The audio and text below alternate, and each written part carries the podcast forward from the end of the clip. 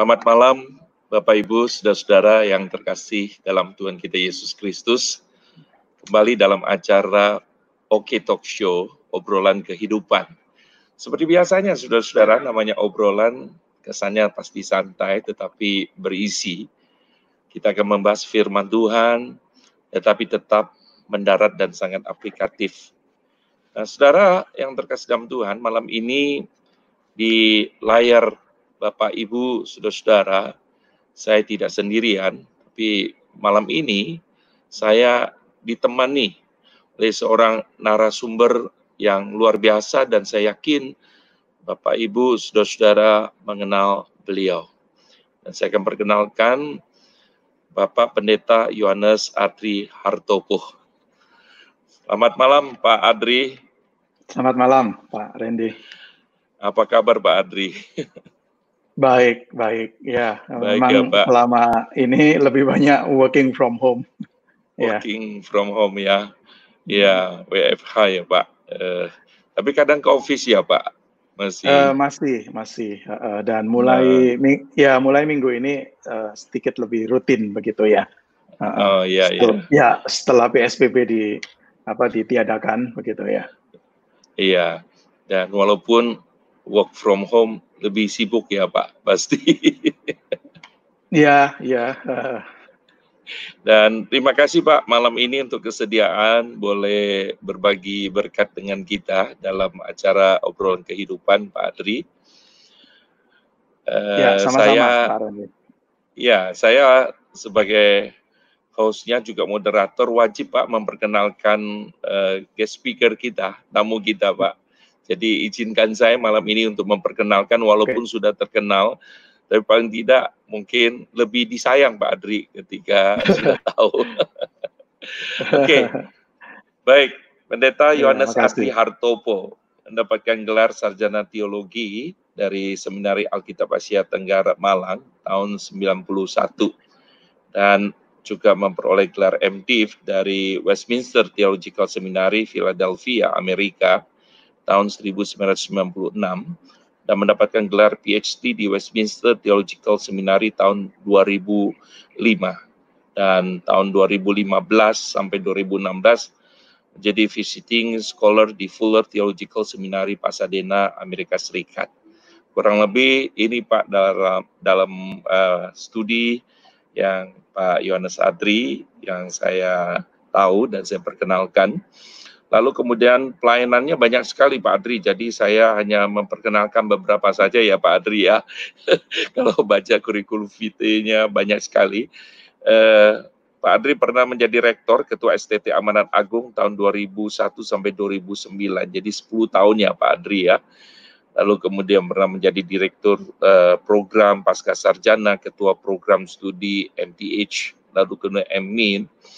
Dan saat ini saya langsung saja menjadi ketua umum Sinode Gereja Kristus Yesus GKY dari tahun 2018 sampai saat ini, Pak Adri ya. Oke, luar biasa. Betul. Saudara, mari pada malam hari ini di rumah saudara masing-masing kita berikan aplaus dulu sama guest speaker kita Pak Adri. Ya. Oke, thank baik. you.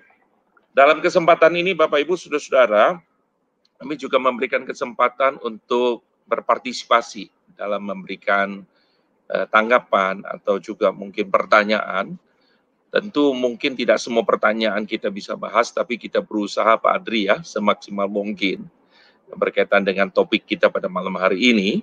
Dan Bapak Ibu, saudara-saudara bisa mengajukan pertanyaannya dengan menulis di chatting di YouTube channel kita di GKBJ Kelapa Gading. Baik, Bapak Ibu, saudara-saudara, kita langsung saja karena waktu kita itu tidak banyak, hanya satu setengah jam. Dan tema kita pada malam hari ini adalah COVID-19, tanda akhir zaman kah gitu ya, satu tanda tanya. Baik Pak Adri, eh, bagaimana, yang pertama saya langsung tanya dulu nih Pak Adri. Nanti Oke. kemudian rekan-rekan yang lain bisa ikut berpartisipasi. Eh, bagaimana Pak Adri secara umum gitu ya melihat topik ini COVID-19 titik dua tanda akhir zaman gitu. Silakan Pak Adri boleh sampaikan kepada kita. Terima kasih. Oke, terima kasih Pak Randy ya. Senang boleh ada di acara ini ya. Ini acara obrolan ya. Jadi ini bukan iya. bukan seminar, bukan ceramah ya dan uh, ya saya mungkin tidak akan bertindak sebagai seorang penceramah atau pengajar ya. Uh, ya topik ini satu topik yang apa ya? Uh, memang menarik ya dan mungkin hmm. menimbulkan keingintahuan dari dari banyak orang ya. Hmm. Uh, dan bagi saya uh, topik ini tidak uh, apa ya tidak mengejutkan. Hmm. Kenapa? Karena memang kita uh, sering melihat atau mendengar ya kalau terjadi satu krisis besar di dunia ini atau satu hmm. kejadian seperti bencana alam atau uh, apa penyakit yang menyebar luas dan sebagainya uh, hmm. selalu ya sepertinya menggelitik begitu ya hmm pikiran banyak orang untuk kemudian uh, bertanya kenapa ini terjadi dan apakah ini ada hubungannya dengan dengan akhir zaman ya hmm. uh, ya uh, coronavirus ini dinyatakan sebagai pandemi ya oleh WHO pada bulan Maret hmm. yang lalu karena sudah apa ya terjadi di menular di 100 lebih negara waktu itu sehingga dinyatakan sebagai uh, satu pandemi ya. Dan hmm. karena ini pandemi dan terus menyebar ya dan angka orang yang tertular itu juga uh, terus bertambah dan jumlah yang meninggal di seluruh dunia juga semakin bertambah sampai saat ini juga kita tahu belum ada vaksin ya dan ini hmm. satu keadaan yang memang sangat sangat luar biasa bukan hanya terjadi di satu lokal atau satu negara. Mm-hmm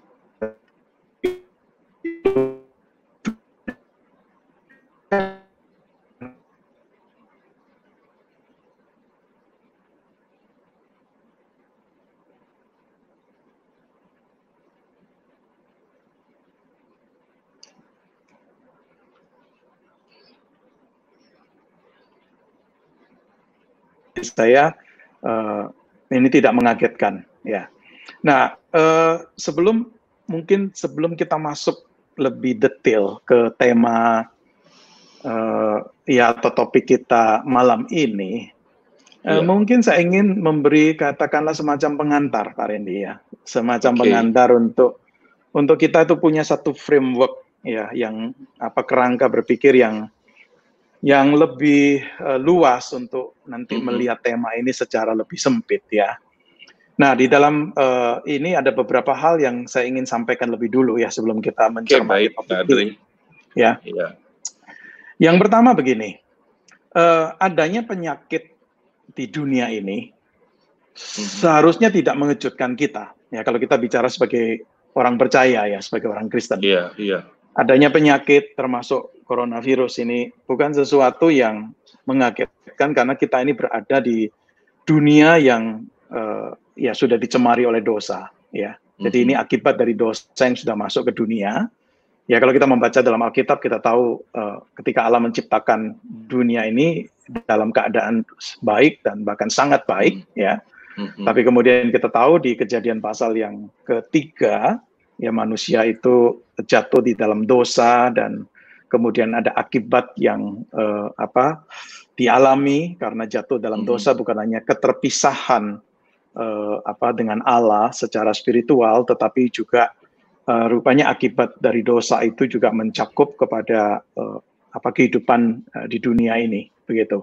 Mm-hmm. Maka kita hidup di tengah-tengah dunia yang yang sudah dicemari dosa, yang sudah jatuh dalam dosa dan kita boleh katakan yang sudah tidak uh, ideal dan tidak hmm. apa sesuai dengan apa yang dikendaki oleh oleh Tuhan ya dan uh, maka nggak kaget kalau kita uh, menemukan adanya uh, penderitaan ya pergumulan kesulitan dan uh, itu adalah akibat dari dosa ya hmm. Jadi karena dosa lah maka semua uh, muncul nih berbagai penderitaan di dunia ini nah termasuk salah satunya adalah dalam bentuk uh, penyakit ya kalau saya boleh kaitkan ya, kalau saya boleh kaitkan, saya ingat Paulus tuh pernah berkata seperti ini di Roma pasal yang ke-8 ya. Saya bacakan mungkin uh, ayatnya yeah, ya. Jadi di Roma pasal yang ke-8 itu uh, Paulus menggambarkan keadaan dunia itu dengan uh, kalimat seperti ini di Roma 8 20 sampai 22.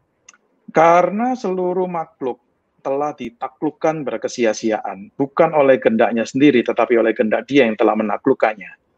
Tetapi dalam pengharapan, karena makhluk itu sendiri juga akan dimerdekakan dari perbudakan, kebinasaan, dan masuk ke dalam kemerdekaan kemuliaan anak-anak Allah. Sebab kita tahu sampai sekarang segala makhluk sama-sama mengeluh dan sama-sama merasa sakit bersalin. Nah, kalimat Roma 8 20 sampai 22 ini adalah kalimat yang Paulus tuliskan menggambarkan efek dari uh, apa ya uh, penghakiman atau hukuman uh, atas dosa manusia begitu dan Paulus menggambarkan itu dengan kalimat uh, ditaklukkan berkesia-siaan dan kita hidup uh, segala makhluk itu hidup di dalam apa ya disebut ini mengeluh ya hmm. sama-sama merasa sakit bersalin. Nah ini keadaan dunia kita. Yeah. Jadi adanya penderitaan termasuk tentunya penyakit ya itu adalah bagian dari keluhan ini loh, dari pengalaman manusia sejak Adam dan Hawa jatuh di dalam jatuh dosa. Dalam dosa. Nah itu, ya itu itu mungkin hal pertama. Hal yang kedua yang saya mau katakan begini, kita bicara tentang pandemi COVID-19 ini. Hmm. Kita tahu ya bahwa ini bukan uh, apa ya satu-satunya pandemi yang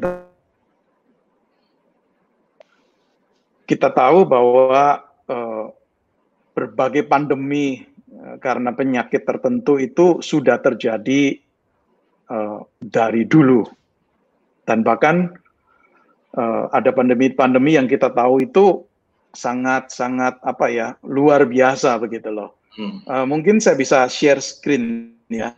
Oke, okay, baik Pak Adris.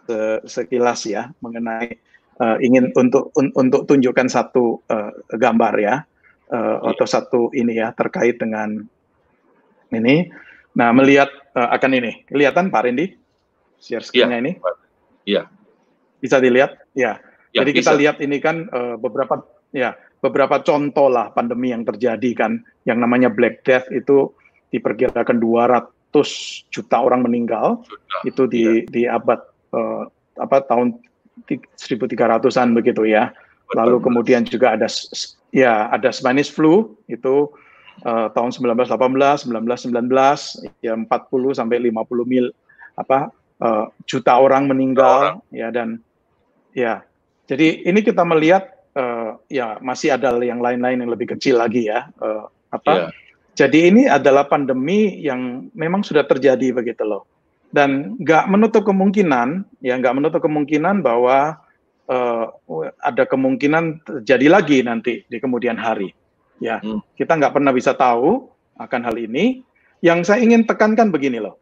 Jadi artinya kita bicara pandemi COVID-19 itu okay. ini bukan satu-satunya pandemi dan bahkan kalau kita masih sekarang dalam hitungan jumlah orang yang tertular atau yang meninggal itu belum sebanding dengan apa yang sudah terjadi sebelumnya yang lebih mengerikan. Hmm. Ya, artinya Uh, jadi di masa-masa yang lalu saya percaya gereja Tuhan atau orang-orang percaya itu pun juga pasti bergumul dengan pertanyaan yang sama yang kita tanya hari ini. Hmm, hmm. Waktu mereka melewati pandemi itu, pasti mereka juga bertanya, apakah ini ini tanda akhir zaman ini? Apakah kita sudah mendekati akhir zaman nih?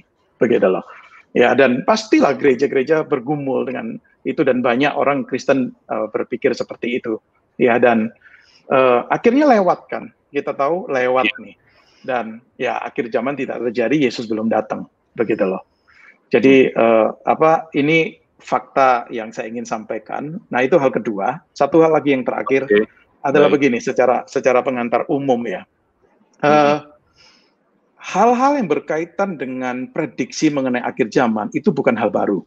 Kita tahu sepanjang sejarah kekristenan Uh, para pengikut Kristus itu ada yang berusaha untuk tahu kapan akhir zaman itu atau second coming itu akan datang ya pada waktu pandemi atau epidemi penyakit itu pun juga uh, ada orang-orang yang kemudian berani mungkin me menyatakan bahwa ini akhir zaman, ini sudah dekat akhir zaman, sudah dekat kedatangan Yesus. Jadi itu bukan suatu hal yang baru, ya. Jadi hmm. maka kenapa tadi saya di di pembukaan itu menyebutkan bahwa pertanyaan topik kita hari ini COVID-19 itu tanda akhir zaman itu bukan suatu yang mengagetkan karena uh, ini juga sudah di, ditanyakan dan bahkan mungkin sudah ada orang-orang yang juga mungkin berani menyatakan oh iya betul ini hmm. sudah dekat hmm. dan sebagainya begitu jadi uh, ini ini bukan topik baru bagi kita sekalipun ini jenis penyakitnya baru ya yeah. ya itu kira-kira yeah. sih dari saya yeah. untuk ya pengantar secara ini Pak Randy ya, secara ya, umum secara umum ya Pak. Ha -ha. Jadi ha kalau kita lihat uh, adanya penyakit ini kan kita lihat dalam kaitan manusia yang sudah jatuh dalam dosa ya, yang tadi mereka mengeluh yang seperti Pak Yonas tadi katakan dalam Roma pasal yang ke-8 tadi ya. Yang kedua ini hmm, hmm. Uh, pandemik ini bukan satu-satunya gitu kan ya Artinya bahwa sebelum-sebelumnya sudah ada bahkan tingkat kematian pun uh, lebih besar daripada yang sekarang kalau kita lihat ya kalau kita hmm, melihat yeah. secara ke belakang. Terus mm. di tengah-tengah penyakit ini muncul uh, orang berusaha kali Pak ya mengaitkan ini akhir zaman kali dan berusaha untuk menjelaskan kali dari sudut pandang Alkitab wah ini jangan-jangan ini tanda itu. Nah, ini berkaitan yeah. dengan tanda nih Pak. Saya ya. uh, sangat tertarik sekali. Saya percaya banyak kita juga tertarik, Pak, mengenai hal ini. Karena kalau kita lihat misalnya uh, ketika Tuhan Yesus lagi bicara dengan murid-muridnya waktu bicara tentang bait Allah, lalu kemudian uh, ada muridnya bertanya begini, Pak, uh, kalau dalam Matius 24 ayat yang ketiga, apakah tanda kedatanganmu dan tanda kesudahan dunia? Jadi murid-muridnya tanya tanda, apa tanda kedatanganmu dan tanda kesudahan dunia? Nah, pertanyaannya begini Pak, apakah kedatangan Tuhan Yesus yang kedua kali itu ditandai dengan tanda? Ya, lalu apakah COVID ini ini adalah salah satu tanda atau sebenarnya bukan menurut pemahaman dari Pak Yohanes Adri Pak. Memang cukup panjang. Jadi mohon minta penjelasan dari Pak Adri mengenai hal ini.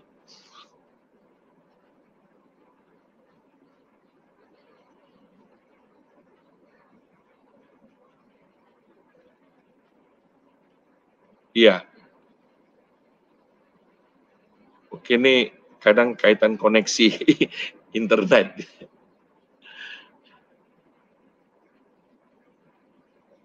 Halo Pak Adri, apakah bisa dengar?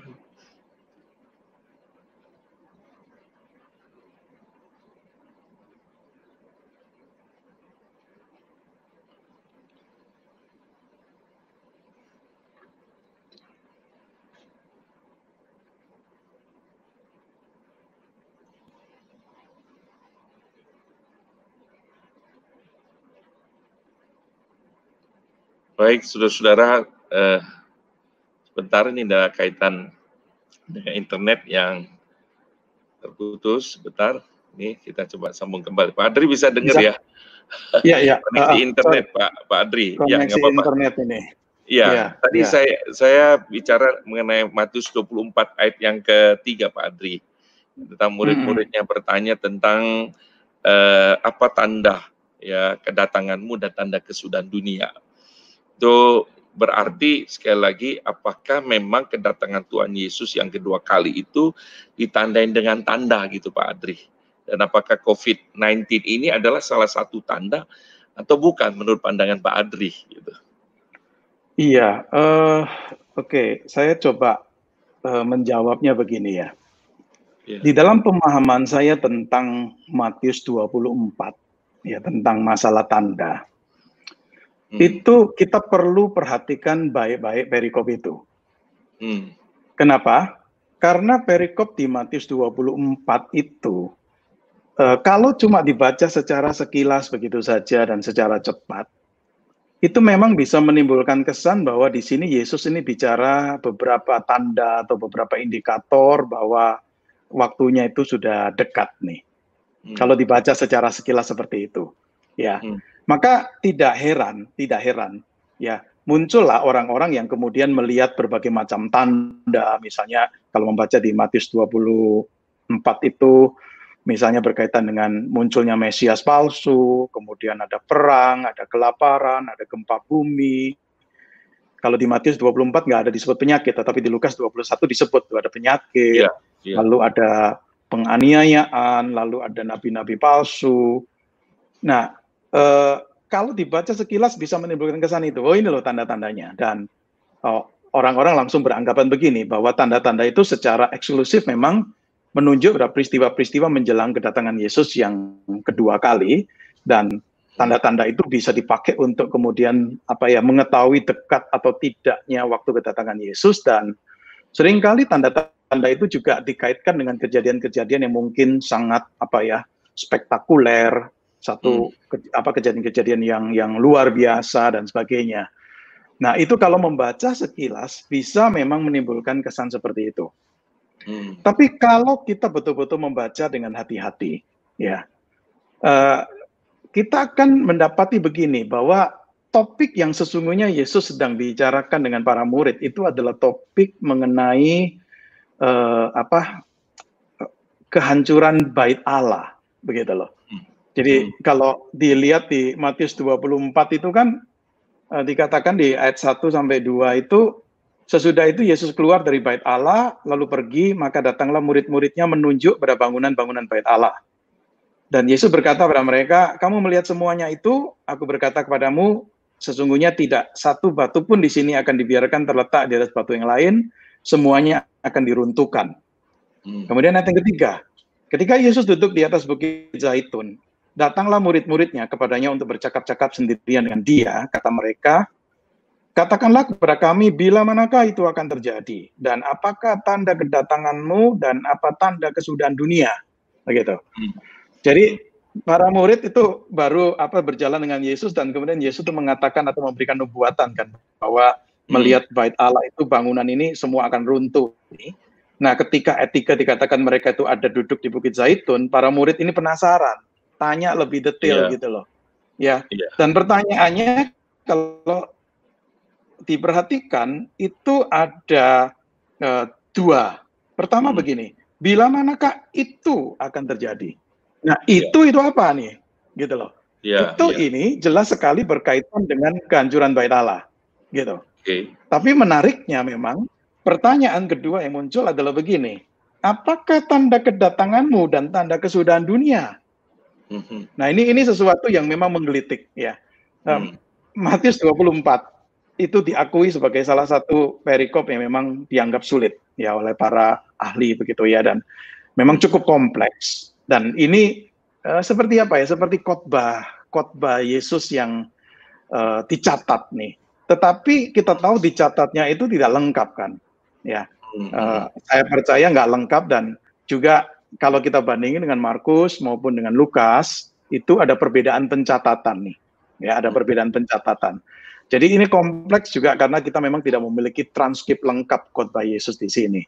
Tapi kembali pada dua, kepada apa dua pertanyaan para murid tadi itu. Jadi ini menarik kenapa? Kenapa sih para murid itu bertanya pertama tentang hancurnya bait Allah itu bila manakah akan terjadi? Kapan nih kira-kira pertanyaannya begitu kan? Iya, iya. Tetapi kemudian disusul dengan pertanyaan yang kedua, apa tanda kedatanganmu tanda. dan apa tanda kesudahan dunia? Kesudahan dunia. Nah, kenapa para murid itu bertanya dua pertanyaan itu? Hmm. Nah, tampaknya begini, ya dalam pemahaman saya, tampaknya begini. Padahal, padahal Tuhan murid, bicara kehancuran bait Allah ya, Pak ya. Betul, betul. Kenapa dihubungkan dengan tanda kedatangan dan tanda kesudahan dunia? Begitu. Iya. Ini ini yang menarik. Uh, saya memahaminya begini, ya, bahwa kedua peristiwa itu memang kedua peristiwa yang berbeda, hancurnya bait Allah dan kesudahan dunia. Tetapi di mata para murid itu dianggap uh, peristiwa yang kaitannya erat menjadi satu. Kenapa? Karena ini hancurnya bait Allah bagi para murid itu sesuatu peristiwa besar, ya Hmm. Wow, itu pasti kalau terjadi itu berarti the end of the world. Ini pasti akhir zaman nih, akhir dunia ini. Hmm. Ya, dan maka mereka penasaran tanya seperti itu. Nah, Yesus di sini di Matius 24 tentu perlu nanti memberi penjelasan untuk meluruskan atau mengkoreksi kalau ada pemahaman yang keliru dari para murid ini. Ya, dan Yesus menunjukkan ini dua peristiwa yang berbeda nih. Maka nanti kita melihat ya kalau di Matius 24 ini setelah Yesus bicara mengenai masalah tanda tadi, kemudian sampai ke ayat yang ke-26, itu boleh dikatakan Yesus lebih fokus banyak ke masalah kehancuran bait Allah. Lalu mulai 29 Yesus bicara memang kedatangan anak manusia, kedatangan Yesus yang kedua kali. Ya, uh, itu kita lihat apa terlihat sekali argumentasinya. Ya. Okay. Nah, kembali kepada pertanyaan para murid ini. Kenapa mereka tanya yeah. tanda? -hmm. Karena mereka berpikir seperti pandangan orang-orang Yahudi umumnya bahwa kedatangan hari Tuhan itu pasti didahului oleh tanda. Mm. Tapi gimana Yesus jawab? Menarik sekali. Yesus menjawabnya begini. Di ayat 4. Waspadalah supaya jangan ada orang yang menyesatkan kamu. Justru Yesus itu memberikan satu peringatan bahaya penyesatan. Bahaya apa ya? Tentunya terkait dengan mengambil kesimpulan terlalu cepat tentang kesudahan dunia hanya dalam kaitan dengan tanda nih. Kalau di Lukas pasal 21 itu lebih jelas. Yesus berkata begini, waspadalah supaya kamu jangan disesatkan, sebab banyak orang akan datang memakai namaku dan berkata, saatnya udah deket nih. Jangan kamu ngikuti mereka. Jadi Yesus memberikan peringatan di tengah-tengah ke apa keingintahuan mereka, memang nanti ini bisa ada orang-orang yang mengatakan betul nih tandanya sudah dekat dan sebagainya begitu loh. Nah, Yesus perlu memberikan peringatan ya Yesus hmm. perlu perlu memberikan peringatan di sini ya, waspadalah supaya jangan ada yang menyesatkan kamu. Yesus tahu bahwa akan ada peristiwa-peristiwa tertentu terjadi yang kemudian ditafsirkan oleh atau dipahami oleh para murid atau mungkin juga oleh orang banyak nanti itu sebagai tanda waktunya udah dekat. Justru hmm. Yesus di sini memberikan uh, semacam pencegahan. Saya ambil contoh di ayat 6 misalnya ya. Yesus berkata begini, kamu akan mendengar deru perang atau kabar-kabar tentang perang. Namun berawas-awaslah jangan kamu gelisah sebab semuanya itu harus terjadi. Tetapi itu belum kesudahannya. Justru Yesus mengatakan apa? Ini ini bukan sesuatu yang berkaitan erat dengan akhir zaman itu. Hmm. Jadi, boleh simpulkan ya, ini secara kita nggak sangat mendetail tentang Matius 24 ini, Justru Yesus memberikan peringatan mengenai uh, apa ya pemakaian tanda-tanda yang di, membuktikan kesudahan dunia udah deket atau kehancuran bait Allah sudah akan deket. Uh, karena kejadian-kejadian tersebut tuh nggak bisa dipakai untuk memberikan sinyal bahwa akhir zaman itu sudah dekat. Jadi justru tujuan Yesus itu untuk mencegah nih satu apa ya uh, premature excitement gitu, ke kesenangan kegirangan yang terlalu prematur berkaitan hmm. kesudahan dunia ataupun juga dengan kehancuran bait Allah begitu loh. Hmm. Dan kalau kita perhatikan apa yang Yesus sebutkan di sana sesungguhnya itu bukan apa ya secara khusus itu tanda-tanda yang berkaitan akhir zaman. Peristiwa-peristiwa itu terjadi di zaman mana pun, termasuk di zamannya Yesus, zaman setelah Yesus juga ya perang lah, gempa bumi lah, kelaparan lah dan sebagainya begitu loh. Nah itu hmm. justru nggak bisa dipakai sebagai sebagai tanda begitu. Hmm. Jadi uh, apa uh, itu. Nah, kalau saya boleh share screen lagi ya, Pak Regi ya, uh, Pak Randy okay, ya. Baik. Ya, boleh, boleh. Share screen satu lagi untuk supaya kita mema sedikit memahami begini. Uh, saya ingin memakai gambaran begini. Uh, jadi kalau uh, bisa dilihat ya. ya jadi orang baik. selalu lihat sepertinya ada 10 tanda nih. Waktunya hmm. dekat dan sebagainya berdasarkan Matius 24. Uh, sehingga kemudian muncul orang-orang yang kemudian berpikir begini, bicara tanda itu memang bicara itu loh menjelang second coming. Hmm. Tapi pertanyaan uh, yang mungkin perlu ditanyakan, apakah memang benar demikian nih, begitu loh? Hmm. Ya, apakah memang benar demikian? Nah, okay. kalau saya boleh ringkaskan kira-kira begini, pandangan Alkitab itu uh, itu ada dua kemungkinan.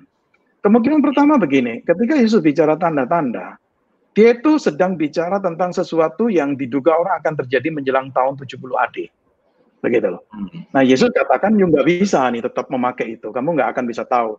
Cuma ada satu tanda nanti yang berkaitan dengan kehancuran bait Allah tahun 70 itu, yaitu dimulai di ayat 15. Jadi kamu apabila melihat pembinasa keji berdiri tempat kudus.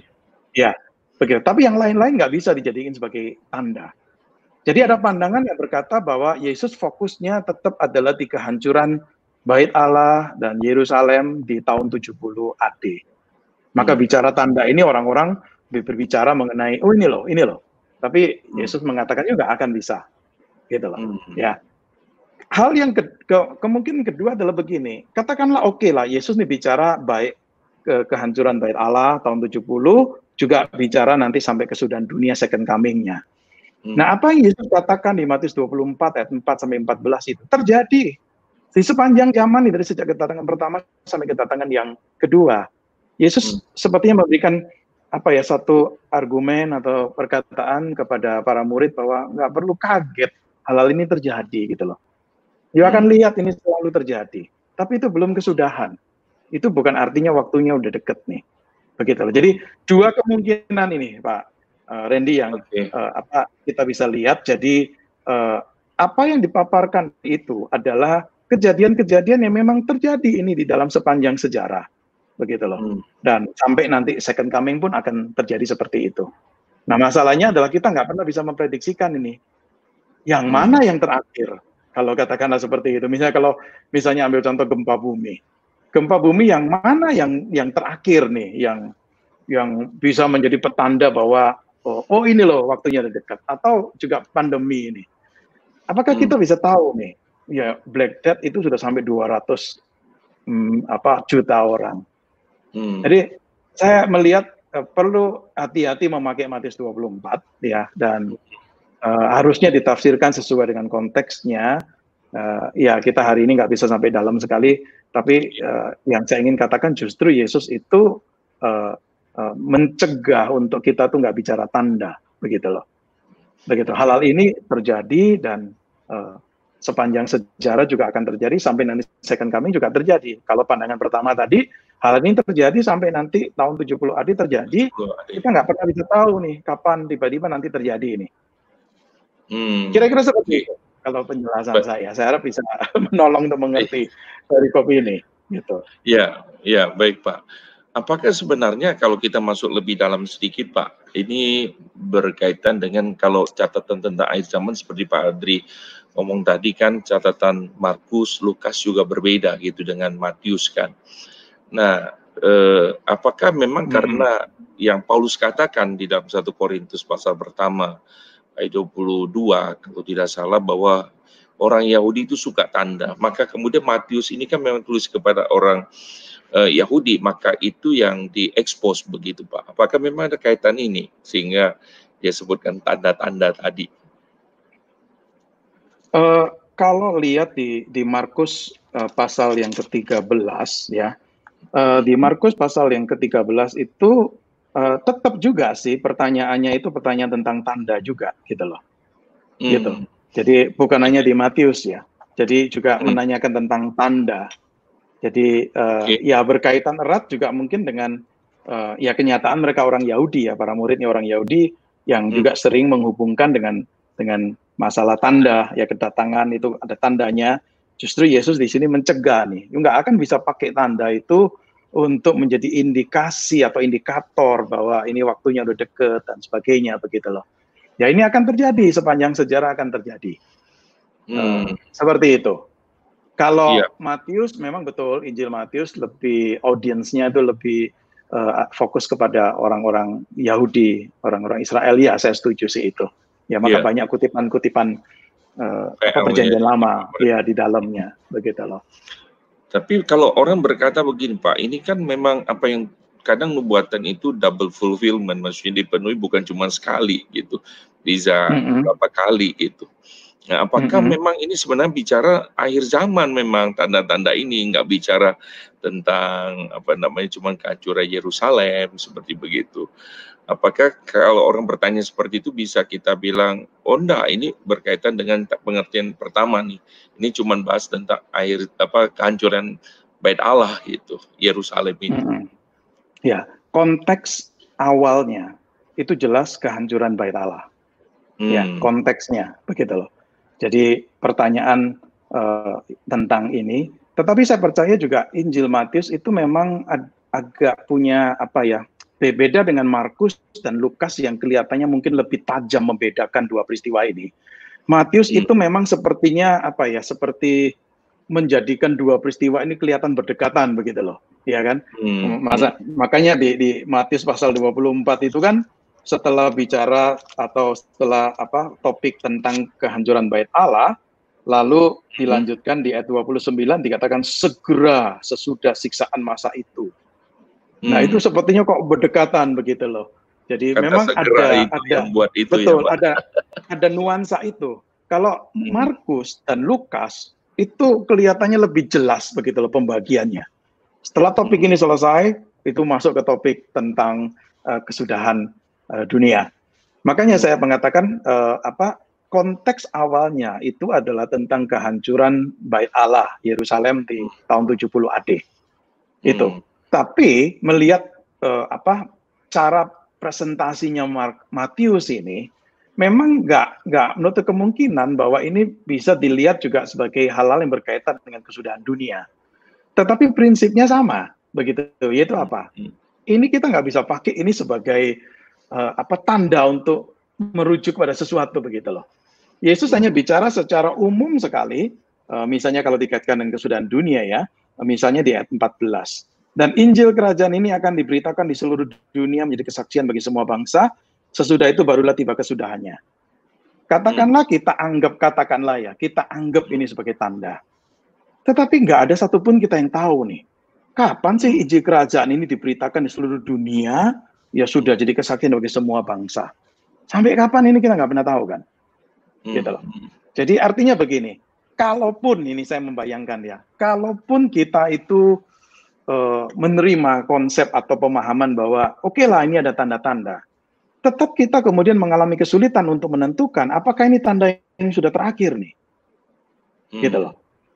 A apa dasar kita nih bicara itu? Jadi ambil contoh tentang masalah pandemi ini yang terjadi luar biasa Black Death itu sampai 200 juta orang kita ini masih berapa 400an ribu ya dunia ya. hari ini ya, ya meninggal. Hmm. Begitu loh. Uh, atas dasar apa nih? Klimaksnya di mana? Kita apakah kita bisa mengatakan oh coronavirus ini yang yang terakhir, yang the last. Nih, hmm. karena sudah betul-betul kelihatan tanda-tandanya. Agak sulit begitu loh. Oke. Okay. Jadi sekali lagi kalau kita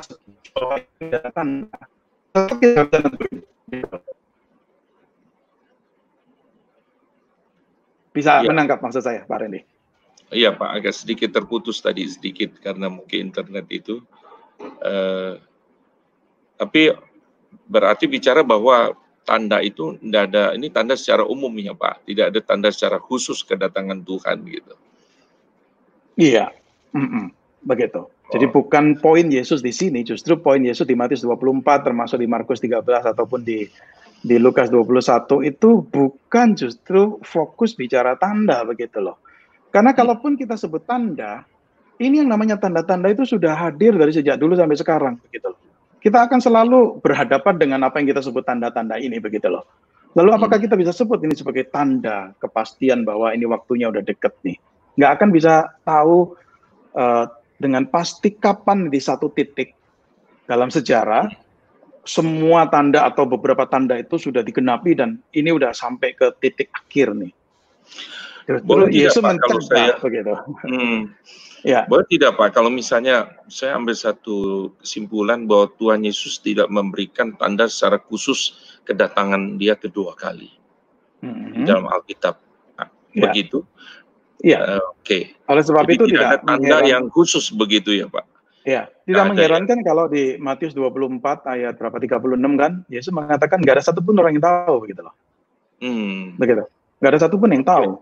Ya. kan lalu digambarkan itu seperti apa pencuri yang datang hmm. ya dan dan apa di seterusnya ya kalau lihat di Matius pasal 24 itu loh nggak pernah bisa tahu Yesus cuma mengatakan nah, berjaga-jagalah kamu nggak pernah bisa tahu uh, pada hari mana Tuhanmu itu datang nih nggak pernah bisa tahu ya. kita ini begitu loh. Iya. Jadi bahaya iya. sekali kalau memakai peristiwa-peristiwa apa ya bencana lah, penyakit lah, kemudian kita pakai untuk mengindikasikan ini waktunya udah deket, waktunya udah deket. Kita hmm. Nggak hmm. pernah bisa tahu, ya, hmm. gitu. Iya. Ternyata Pak, orang ketika bahas tentang COVID ini tidak berhenti juga sebenarnya di Matius 24, Pak. Tapi kemudian hmm. juga mereka ke kita wahyu juga begitu ya. Nah, Kalau kita lihat banyak tulisan-tulisan kaitkan misalnya Wahyu 6 ayat yang ke-8 yang berkata bahwa melihat sesungguhnya ada seekor uh, kuda hijau kuning dan orang yang menunggangi bernama maut dan kerajaan maut mengikutinya kepada mereka diberikan kuasa atas seperempat dari bumi untuk membunuh dengan pedang dan dengan kelaparan dan sampar. Nah, mereka tafsirkan sampar ini ya salah satunya adalah COVID ini, Pak, 19 dan dengan binatang-binatang buas yang di bumi gitu. Nah, ya, ya. ada penjelasan-penjelasan ini ketika ditanyakan, Pak, bagaimana tanggapan Pak Adri mengenai hal ini? Ya, ini ini topik nggak mudah karena ini kita bicara uh, apa ya salah satu kitab yang sulit dalam Alkitab ya kitab yeah. Wahyu dan yeah. dalam waktu yang singkat juga saya nggak mungkin bisa sampai mendetil sekali. Yeah, begitu yeah. ya. Uh, Tetapi baik. begini, uh, saya mengatakan satu hal lebih dulu nih. Ada pandangan yang berbeda tentang kitab Wahyu. Ya, okay. ini uh, juga ada pandangan yang berbeda mengenai uh, akhir zaman. Itu hmm. ada gitu loh. Yeah. Jadi kita nggak bisa mengatakan bahwa nggak ada perbedaan pemahaman membaca, memahami kitab Wahyu maupun juga di dalam memahami eh, peristiwa-peristiwa akhir zaman. Ada perbedaan. Hmm. Nah, hmm. saya jujur harus berani katakan bahwa di dalam hal ini saya pun masuk dalam satu kategori memegang satu pemahaman atau satu pandangan tertentu. Okay, gitu. Tentang kitab Wahyu juga seperti itu. Ya pemahaman yang ya dari juga pembelajaran saya pada waktu saya studi dan juga disertasi yeah. doktoral saya berkaitan dengan kitab Wahyu. Jadi hmm. berkaitan dengan itu uh, tentu ada hal yang saya pegang begitu ya tentang apa itu kitab Wahyu dan isi kitab Wahyu. Nah sebelum mengomentari yang tadi ayat yang Pak uh, Randy kutip ya, uh, yeah. sekali lagi saya mau share screen dulu Pak ya, share okay, screen baik, satu baik, lagi baik. ya yeah. uh, ini. Uh, pandangan yang cukup populer itu adalah seperti ini tentang akhir zaman. Ya. Jadi uh, ini kita ada dalam zaman gereja, satu waktu akan terjadi pengangkatan. Nah, di antara pengangkat pengangkatan itu bukan second coming. Ya, itu dibedakan dengan second coming dan di antara pengangkatan dan second coming itu ada tujuh tahun itu masa hmm. Second coming millennium kerajaan setahun, final Nah, itu uh, baru masuk ke New Heaven and New Earth. Ya, hmm. ini yeah. sangat populer sekali pemahaman seperti ini tentang akhir zaman. Ya, khususnya mulai dari dari apa bagian rapture-nya ini pengangkatan ya. hmm. ya. Dan hmm. uh, kalau lebih detail lagi um, dikaitkan di antara masa terjadinya pengangkatan sampai nanti second coming yang tujuh tahun ini, maka figur antikristus itu akan muncul. Hmm. Nah, ini ini pandangan yang sangat populer sekali. Nah, hmm. karena pandangan ini maka uh, cara membaca kitab Wahyu bagi sebagian orang yang memegang pandangan ini itu kira-kira akan seperti ini. Jadi kitab Wahyu itu dibaca seperti ini, yaitu kalau pasal 2 sampai pasal 3 itu itu dianggap sebagai zaman gereja. gereja. Lalu pasal 4, pasal 5 itulah pengangkatan. Hmm. Lalu pasal 6 sampai pasal 18 itulah yang disebut periode kesusahan tujuh tahun. Hmm. Lalu pasal 19 baru second coming. Pasal 20 itu kerajaan seribu tahun. Lalu hmm. kemudian uh, iblis dilemparkan ke uh, apa lautan api. Baru kemudian pasal 21 22 baru bicara uh, langit baru bumi baru. Hmm. Nah, membacanya jadi seperti ini nih karena orang memahami akhir zaman itu seperti itu sehingga kemudian ini salah satu contoh lain lagi Hmm. Maka waktu membaca kitab Wahyu itu misalnya dianggap seperti gambaran ini tujuh tahun eh, apa masa kesusahan itu terjadi setelah gereja diangkat yaitu pasal 4 pasal 5. Hmm. Maka mulai pasal 6 itu terjadilah ini berbagai apa ya eh, penghakiman ya berbagai penghakiman hukuman dalam bentuk meterai dibuka sangkakala dibunyikan hmm. Cawan ditiup itu semua adalah gambaran berbagai macam penderitaan yang dinyatakan uh, sampai nanti betul-betul second coming. Hmm. Itu. Nah, kalau tadi Pak uh, Randy mengutip Wahyu pasal 6 itu hmm. tentang penglihatan kuda itu ya, yang hmm. apa ketika meterai keempat dibuka lalu kemudian ya. uh, kuda hijau, hijau kuning muncul ya, ya yang menunggangi bernama maut lalu kemudian dikatakan dia membunuh dengan pedang dan kelaparan, sampar dan sebagainya. Nah, kalau menurut pandangan populer itu ini adalah terjadi di masa tujuh tahun itu. ya. Hmm. Itu terjadi di masa tujuh tahun tribulation itu. Yang hmm. kemudian nanti dikaitkan dengan oh udah makin deket nih kalau udah terjadi seperti itu.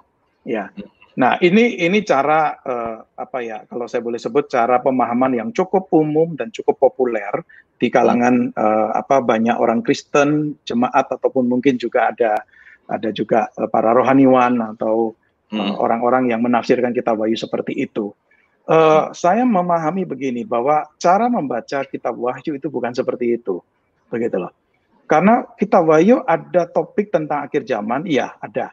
Saya nggak mengatakan bahwa tidak ada sama sekali. Tetapi kitab Wahyu itu bukan hanya bicara akhir zaman, begitu loh.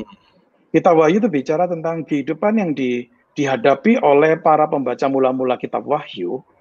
Dan melalui apa yang kita pelajari dari apa kehidupan mereka dan apa yang dituliskan di kitab Wahyu, kita juga yang hidup di zaman masih menantikan kedatangan Yesus kedua kali itu juga sepertinya mengalami lah hal-hal apa yang dialami oleh pembaca mula-mula begitu loh. Jadi di satu pihak ini kita Wahyu kita baca dari perspektif masa lalu dialami oleh mereka dan pembaca mula-mula mengalami itu kesulitan pergumulan dan dikuatkan melalui penglihatan-penglihatan ini uh, di pihak yang lain uh, kita bisa berkata begini bahwa uh, kita wahyu ini juga relevan untuk kita nih, begitu loh. Hmm.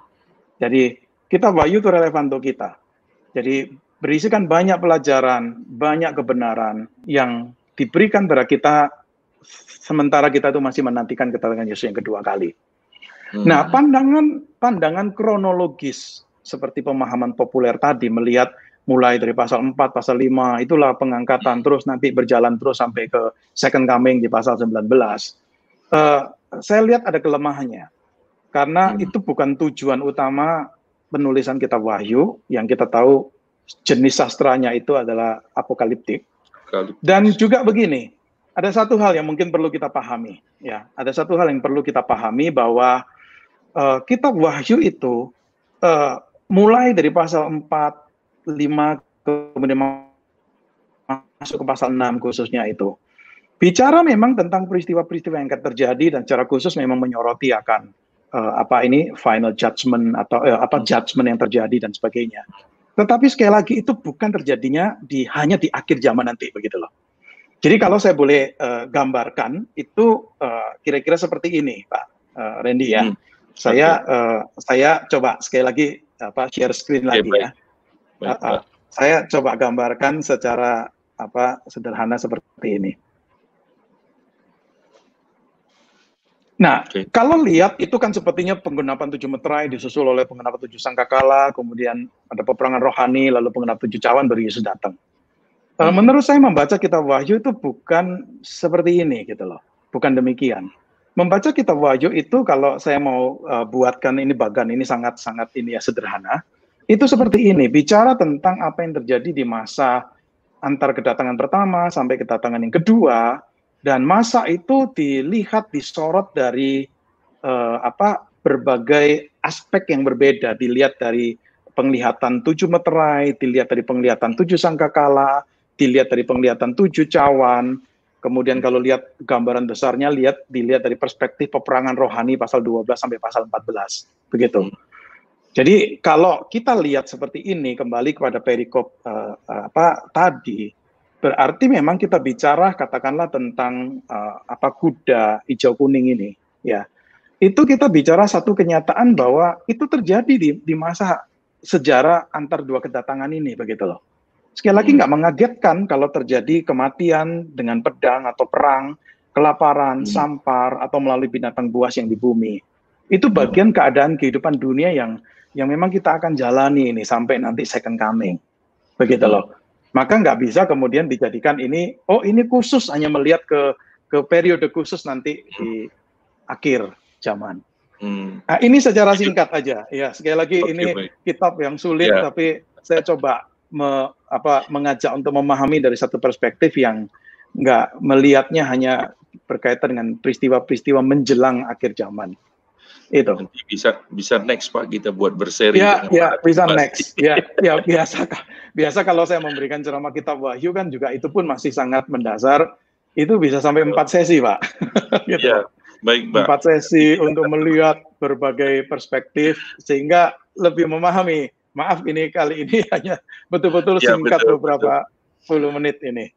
Tapi tidak bisa kita lihat itu memang sebagai single event ya Pak. Tadi katakan uh, memang ya. sepanjang zaman itu terjadi sebuah peperangan, kemenangan uh, penyertaan Tuhan gitu ya Pak. Iya, iya. Saya ngelihatnya seperti itu. Memahami kita wahyu alurnya seperti itu. Bukan alur kronologis, tapi justru alur yang berulang nih. Begitu loh. Masing-masing berulang, lihat lihat periode yang sama. Sama seperti kalau kita lihat satu barang, dilihat dari perspektif depan, uh, hmm. apa samping, belakang, atas begitu loh. Nah, periode kedatangan Yesus pertama sampai kedatangan yang kedua ini dilihat dari berbagai kamera begitu loh. Hmm. Nah, itu itu pemaparan kita Wahyu sepertinya seperti itu melihat dari berbagai kamera, melihat apa yang terjadi ya, apa yang terjadi ya. Nah, pasal 12 dan 14 itu melihat dari perspektif, wow, kita ini berada dalam peperangan rohani besar loh. Musuh kita ya, si naga besar itu akan selalu berusaha untuk mengejar kita berusaha hmm. untuk menghancurkan umat Allah. Nah, hmm. tapi kita mengalami itu terus sampai kapan? Sampai hmm. nanti second coming. Hmm. Jadi kita nggak pernah lepas dari apa peperangan rohani ini. Oke, okay, gitu. baik. Pak Adri ini sebenarnya banyak yang uh, ikut Pak dan ya. mereka juga mau terlibat untuk mengajukan pertanyaan. Oke, oke. Okay, okay. Saya boleh tampilkan ada dari Pak Henry Surya, Pak. Uh, beliau bertanya begini, kalau Pak Adri tadi mengatakan COVID-19 bukan uh, tanda akhir zaman gitu ya. Apakah COVID ini merupakan kutukan dari Tuhan seperti yang ditulis di Ulangan 28:22? Kalau itu siapakah yang dikutuk oleh Tuhan gitu Pak? Iya, uh, saya kembali kepada ini thank you pertanyaan yang baik ya. Saya iya. kembali yeah. kepada poin awal saya tadi, Pak Randy. Iya. Tentang yeah. penyakit, penderitaan dan sebagainya itu sebagai akibat dari manusia jatuh dalam dosa. Hmm. Jadi kalau kita bicara secara luas, kita bisa berkata ya secara luas nih, broadly speaking ya, kita bisa hmm. berkata bahwa ini memang bagian dari judgment dari Allah karena dunia sudah jatuh dalam dosa. Hmm. Begitu. Oke. Okay. Ya, ini bagian itu. Jadi kalau ditanya apakah ini hukuman, uh, secara garis apa umum besar melihat gambaran besar ini kita bisa mengatakan ya, begitu loh. Ya, tetapi kemudian kita hal yang kedua yang saya mau katakan begini, kita nggak bisa mengatakan begini bahwa uh, setiap penyakit atau setiap uh, apa ya penderitaan itu pasti adalah hukuman Allah khusus untuk pribadi tertentu atau bangsa tertentu. Nggak bisa, begitu loh. Jadi uh, apa nggak bisa mengatakan seperti itu. Saya tidak mengatakan bahwa Allah tidak bisa memakai penyakit untuk menghukum uh, pribadi tertentu atau bangsa tertentu bisa Alkitab ada contoh-contohnya itu, ya. Jadi penyakit bisa dipakai oleh Tuhan untuk menghukum orang tertentu, bangsa tertentu. Banyak contohnya dalam Alkitab, begitu loh. Tetapi tidak kemudian kita berkesimpulan bahwa setiap orang yang kena penyakit itu adalah dihukum oleh Tuhan dalam pengertian penghukuman secara khusus itu. Iya. Ini. Okay. Itu nggak bisa. Kenapa? Karena kita nggak nggak tahu kan, begitu loh. Apakah ada nih orang yang kena coronavirus kemudian kita katakan, oh ini karena hukuman Tuhan, mungkin ada, tapi kita nggak pernah tahu yang mana, begitu loh. Hmm. Hmm. Jadi kita nggak pernah tahu karena kan juga Tuhan nggak ngomong nih bahwa ini adalah hukuman khusus untuk si A atau si B atau bangsa tertentu. Maka saya tidak setuju kalau muncullah berbagai news, berita mengatakan, wah ini hukuman untuk pemerintah China lah, hukuman untuk pemerintah hmm. Amerika Serikat lah dan sebagainya. Saya rasa hmm. mungkin jangan melihat uh, dari perspektif uh, itu, begitu loh. Jadi uh, saya mungkin menjawab pertanyaan uh, ini dari dua perspektif. Dari perspektif yang luas, mm-hmm. iya kita bisa mengatakan keadaan dunia sekarang dengan segala penderitaan dan pergumulan dan termasuk di dalamnya penyakit itu akibat dari hukuman Tuhan karena manusia dan atau dunia itu jatuh dalam dosa, begitu loh.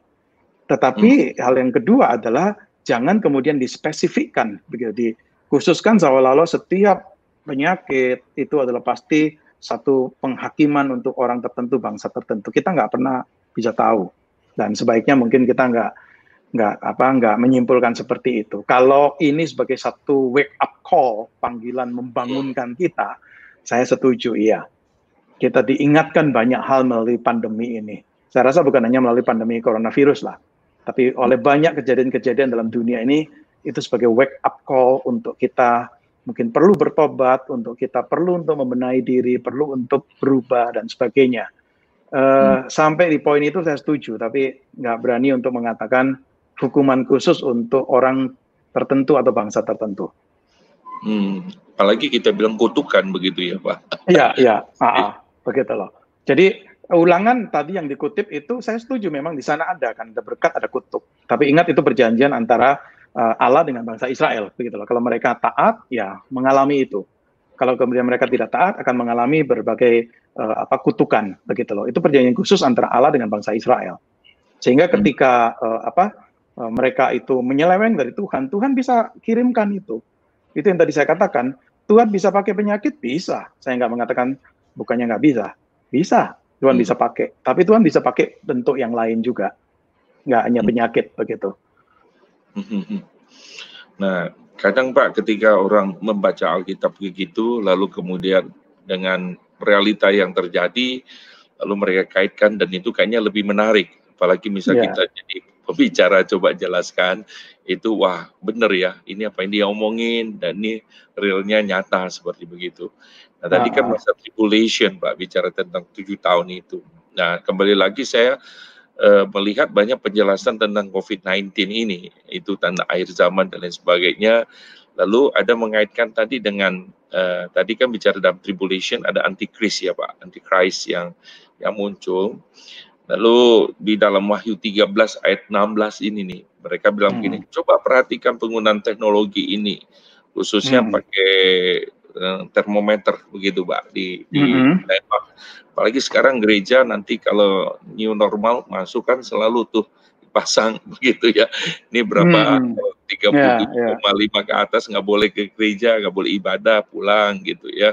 Tapi semua di mana-mana kita itu ditembak suhu kita ditandai dengan termogan gitu. Nah, mereka bilang ini perhatikan ini persiapan nih antikristus nih katanya begitu ya lalu dia akan datang supaya nanti pada waktu datang tuh di dalam Wahyu 13 ayat 16 nggak kaget lagi gitu antikristus bukan tanda di dahi mereka. Gimana Pak Andri ketika lihat seperti begini mereka menjelaskannya? Iya, ya sekali lagi berkaitan dengan bagaimana memahami kitab Wahyu nih, gitu loh. Ya, ya jadi semua bagian semua bagian dari uh, apa ayat di kitab Wahyu itu nggak bisa berdiri sendiri. Nggak bisa kemudian kita cuma comot Wahyu 13 ayat 16 dan seterusnya itu bicara tentang antikristus 666 berdiri sendiri lalu dianggap ini sebagai sesuatu yang bicara masa depan. Ya karena hmm. harus dilihat dari sekali lagi harus dilihat dari konteksnya, harus dilihat dari situasi apa yang terjadi waktu itu sih, gitu loh. Hmm. Kita Wahyu ini kan ditujukan untuk tujuh gereja di Asia Kecil. Ya. Jadi pasti pasti itu berguna untuk mereka, bermanfaat untuk mereka. Jadi hmm. utamanya ingat bukan ditujukan untuk kita yang hidup di zaman akhir, tapi hmm. tujukan untuk tujuh gereja dalam segala keadaan pergumulan kesulitan yang mereka hadapi. Ini hmm. kita harus mengerti konteks penderitaan atau pergumulan atau kesulitan apa sih yang mereka hadapi. Hmm. Nah, kita Wahyu diberikan untuk memberikan apa ya kekuatan penghiburan tetapi dengan memakai bahasa-bahasa simbolis. Nah, hmm. salah satu bahasa simbolis yang dipakai itu adalah memakai gambaran uh, itu tadi apa iblis itu digambarkan seperti naga besar, itu pasal 12. Hmm. Ya, tentu kita nggak akan harafiahkan kan bahwa iblis itu betul-betul naga, begitu loh. Hmm. Begitu juga masuk ke pasal 13. Ya bicara binatang ini kita tahu ini bukan harafiah binatang tapi merujuk pada sesuatu nih. Dalam konteks saat itu adalah merujuk kepada uh, kerajaan Romawi dengan para kaisarnya. Dan lebih khusus lagi dalam konteks kita Wahyu itu merujuk kepada Kaisar Domitianus, ya, Kaisar hmm. Domitianus yang ingin untuk disembah. Nah, penyembahan akan binatang ini, uh, penyembahan akan kaisar ini digambarkan di Wahyu pasal 13 dengan dengan gambaran penyembahan pada binatang ini. Binatang hmm. ini digambarkan luar biasa, powerful, ya punya kuasa hebat begitu loh. Dan memang itulah natur dari kaisar uh, kerajaan Romawi yang memang punya kuasa besar yang luar biasa begitu. Jadi gambaran penyembahan pada binatang ini adalah gambaran tentang uh, penyembahan kepada kaisar itu. Nah, di Wahyu pasal 13 mulai ayat yang ke-11 itu muncul binatang yang lain yang keluar dari bumi. begitu loh. Nah, gambaran binatang yang keluar dari bumi ini merujuk kepada apa nih? Ini merujuk kepada kalau di dalam perikop yang lain itu dikatakan ini nabi-nabi palsu nih yang hmm. yang mendukung penyelenggaraan uh, apa mengajak orang-orang ini untuk ikut di dalam penyembahan pada kaisar. Dan kalau tidak itu akan mengalami kesulitan. Salah satunya adalah dalam bentuk apa? Dalam bentuk mereka itu uh, berbisnis atau berjual beli atau berdagang. Nah, uh, mm -hmm istilah-istilah simbolis yang dipakai diberi tanda kepada pada dahi atau pada tangan itu bukan harafiah dicap begitu atau ditandain begitu. Tetapi hmm. ini bicara tentang kepemilikan dan kepengikutan. Sama hmm. seperti di Wahyu pasal 7 dan pasal 14 juga ditunjukkan ada nih pengikut-pengikut anak domba yang juga diberi tanda begitu loh. Jadi hmm. ini kontras nih antara pengikut uh, apa binatang ini dengan pengikut dari anak domba dikontraskan hmm. begitu loh. Hmm. Jadi gambaran yang mau disampaikan adalah uh, di kitab Wahyu pasal yang ke-13 itu adalah gambaran orang-orang yang diberi tanda ini adalah orang-orang yang katakanlah mengikut tunduk bersedia dimiliki oleh oleh apa dikuasai atau dikontrol nih oleh uh, kerajaan Romawi dan para kaisarnya dengan berbagai aturannya dan juga dengan berbagai macam apa ritualnya Sebab kalau mereka nggak ikut itu, mereka akan dikucilkan. Mereka kalau nggak ikut itu, mereka akan menderita. Bukan bukan hanya penderitaan secara fisik. Yang jadi poin utama salah satunya itu penderitaan secara ekonomi. Maka di sini dipakai ungkapan tidak bisa menjual dan membeli begitu loh. Nanti di pasal 18 juga digambarkan ini para pedagang tuh yang nangis nih waktu Babel hmm. itu runtuh. Nah ini bahasa-bahasa ekonomi digambarkan. Kenapa? Karena itu realita penderitaan yang mereka hadapi. Begitu loh. Kalau mereka ikut bersedia ditandai, nah mereka akan ini akan apa? Akan akan bisa nih berdagang hmm. dan tetap dapat uang dan sebagainya.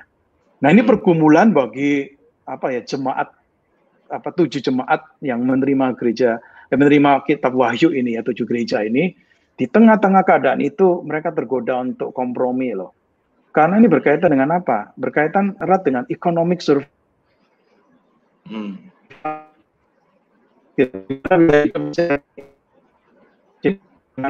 secara fisik, fisik sama masuk penjara, dibunuh mati. Bukan hanya itu, tapi salah satu bentuk penderitaan yang sulit dihadapi adalah secara ekonomi. Karena mereka akan mengalami kesulitan jika mereka itu tidak mau tunduk nih kepada uh, apa pemerintahan uh, Romawi dan aturan ataupun ritual yang ditentukan. Nah, hmm. seperti itu. Jadi memahaminya uh, perlu hati-hati, nggak memahami langsung mencomot perikop itu langsung dihubungkan dengan kejadian di di di akhir zaman ini gitu. Jadi perlu dilihat dalam konteks uh, uh, apa membaca mula-mula kitab wahyu dan segala tantangan yang mereka hadapi maka angka 666 itu juga tentu harus dimengerti juga secara simbolis begitu loh ya. Uh, kira-kira seperti itu Pak Randy. Baik Pak Adri. Uh, sangat menarik sekali Pak Adri dan semakin malam semakin banyak yang tertarik Pak untuk bertanya. uh, ini mungkin ada dua pertanyaan saya gabungkan ya Pak. Yang pertama ya. ini memang mohon penjelasan Pak untuk arti kata akhir zaman dan akhir dunia apa sama. Lalu kemudian ini berkaitan ini dari Pak Tridoyo, kita wahyu terjadi antara zaman akhir dengan akhir zaman. Tapi 1 Yohanes 2 ayat 18 dikatakan akhir zaman sudah dekat. Menurut Pak Adri itu bagaimana? Sebentar, saya coba lihat lagi ya. Uh, ya. Kitab Wahyu terjadi antara zaman akhir dengan akhir zaman, oke. Okay. Tetapi 1 Yohanes 2:18 dikatakan akhir zaman sudah dekat, ya. Hmm. Uh, Oke, okay, saya coba memahaminya begini. Saya jawab dulu yang kedua ini ya, Pak ya. Ya, baik. Saya coba jawab yang kedua begini. Uh, para penulis uh, kitab uh, yang ada di Perjanjian Baru ya, para penulis Perjanjian Baru itu uh, punya konsep begini loh, bahwa kita hidup di masa di mana kita itu nggak pernah tahu kapan Yesus itu akan datang. Ya, hmm. maka masa hidup yang mereka jalani itu mereka tetap menganggapnya itu sebagai ini loh memang hari-hari terakhir. Ya, ini sepertinya waktunya memang adalah waktu yang sudah dekat nih. Ya, karena tidak pernah tahu kapan itu.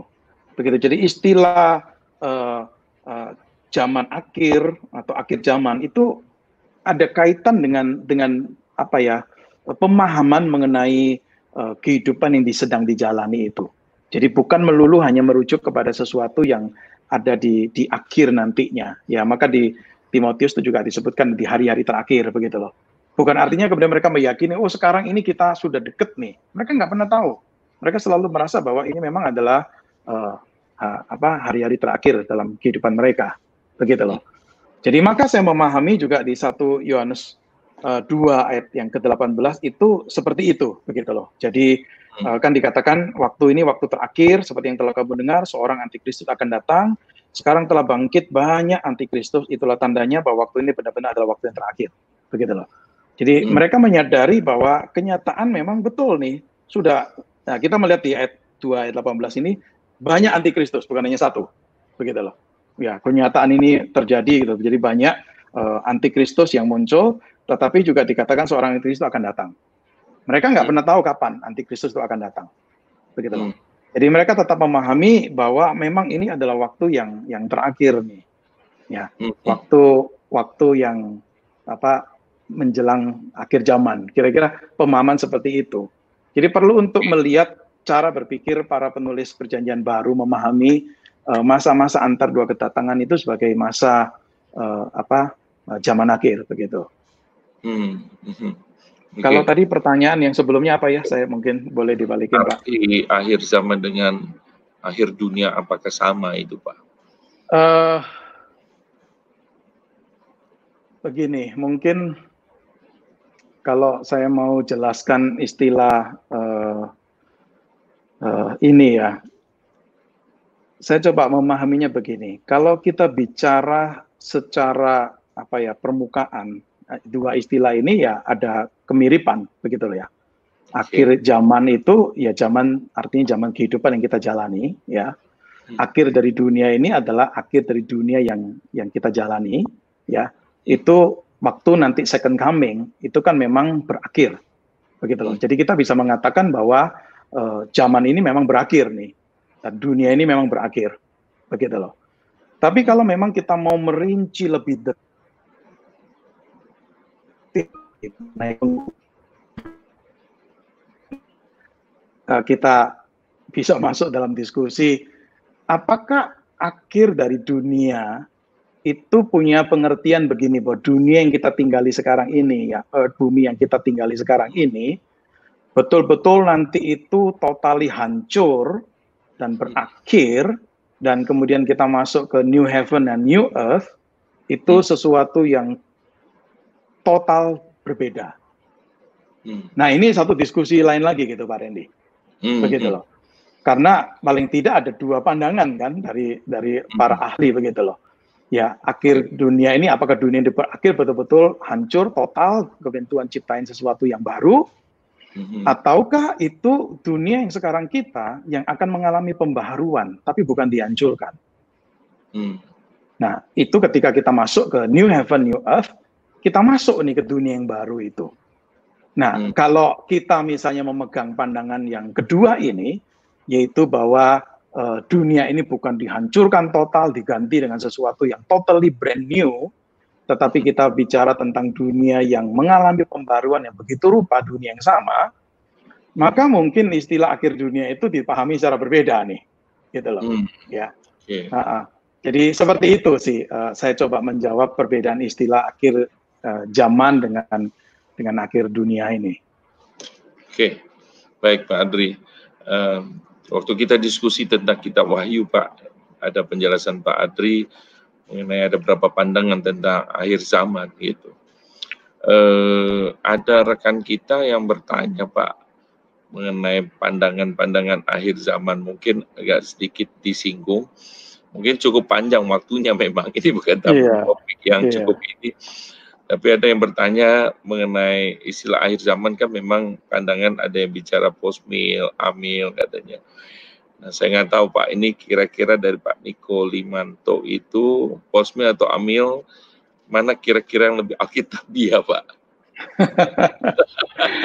iya, ah, ini sekali lagi butuh ceramah panjang nih Pak. itu nggak gampang sedikit. untuk ah, ah, iya, Nanti kita iya. buat khusus. Ya, istilah apa amil, postmil, premil itu hmm. Lebih banyak dikaitkan dengan uh, apa itu uh, milenium kerajaan seribu tahun. Jadi hmm. itu memang lebih khusus uh, fokus kepada uh, pasal yang ke-20 ya.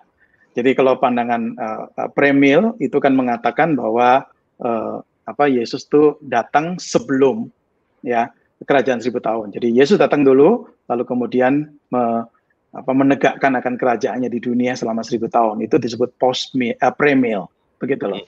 Sedangkan uh, post meal itu beranggapan bahwa uh, artinya nggak bicara secara harafiah kerajaan seribu tahun tapi mengatakan bahwa keadaan zaman sekarang yang kita jalani ini akan mencapai satu masa keemasan, zaman keemasan kejayaan. Katakanlah mungkin pengaruh kekristenan itu akan sangat luar biasa sekali, dan setelah itu kemudian uh, Yesus itu akan datang. Jadi ada satu masa mungkin menjelang Yesus akan datang di mana kekristenan itu akan memasuki zaman keemasan. Mungkin banyak orang bertobat, mungkin juga kesejahteraan dunia ini uh, apa jadi luar biasa karena pengaruh kekristenan dan sebagainya. Lalu hmm. kemudian uh, apa Yesus datang post jadi setelah milenium. Tapi mileniumnya bukan di dalam pemahaman seperti kelompok yes, premil. Ya. Hmm. Nah, sedangkan pandangan Amil itu uh, dipahami begini. Mereka memahami bahwa masa yang kita jalani sekarang ini, ya masa dari antara kedatangan pertama sampai kedatangan kedua, itulah milenium yang kita sedang jalan jalani begitu loh. Ya, itulah kerajaan Sibuton yang sedang kita jalani, begitu. Sehingga mereka tidak kemudian memperdebatkan atau mendiskusikan mengenai apakah nanti ada kerajaan seribu tahun harafiah setelah Yesus datang, ataukah nanti ini zaman akan mencapai zaman keemasan dan sebagainya. Mereka tidak uh, melihat ke sana, tapi mereka melihat masa yang sekarang ini itulah masa pemerintahan uh, Kristus di dunia ini, di bumi ini sampai nanti uh, second coming, begitu. Mm-hmm. Nah, ini perbedaan-perbedaan pandangan mengenai milenium kerajaan seribu tahun. Dan itu tentu sekali lagi berkaitan dengan bagaimana memahami akan kitab Wahyu. Ini nggak mm-hmm. bisa dilepaskan, begitu Pak Randy. Okay. Begitu okay. Gitu. Jadi kalau kepada kembali kepada pemahaman yang tadi saya paparkan yang uh, yang saya pahami dan saya terima melihat bahwa kita hmm. wahyu itu bukan kronologis dalam pengertian harafiah ketat sampai ini cuma bicara akhir zaman, tetapi melihat itu ada tema-tema yang berulang, melihat kepada hmm. periode yang sama. Maka hmm. saya juga bisa berkata begini, Wahyu pasal 20 bicara kerajaan seribu tahun itu juga melihat kepada periode yang sama yang tadi saya gambarkan dengan gambaran saya tadi itu loh. Ya. Jadi itulah yang yang apa kerajaan seribu tahun begitu. Jadi bukan bicara kerajaan seribu tahun dalam pengertian harafiah, Hmm. Itulah kerajaan seribu tahun yang sedang kita jalani, begitu loh. Nah, apakah orang kemudian akan sebut ini pandangan amil? Ya silakan, begitu loh. Saya mungkin nggak akan mau masuk dalam perdebatan istilah, begitu ya. Hmm. Tapi memahami dari pemahaman uh, natur kitab wahyu dan struktur kitab wahyu itu, maka mau tidak mau kemudian melihat bahwa uh, apa pasal 20 pun itu bagian dari uh, apa ya recapitulation itu pengulangan pengulangan tema yang dilihat melihat pada periode yang sama. Begitu. Jadi tidak uh, linear dalam arti terus uh, beda-beda topik dan semakin menuju puncaknya ya pak ya. Karena memang iya. setelah bicaranya diulang diulang diulang berapa pasal ada lagi begitu. Ya tapi tetap ada klimaksnya menuju kepada second coming itu jelas gitu loh hmm. ya kan menuju kepada nanti masuk ke new heaven and new earth ya hmm. langit eh, bumi baru. Ada klimaksnya tetap ada. Saya nggak mengatakan nggak ada klimaks.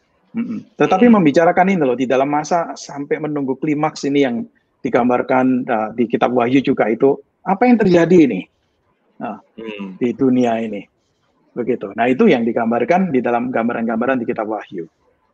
Hmm. Oke. Okay.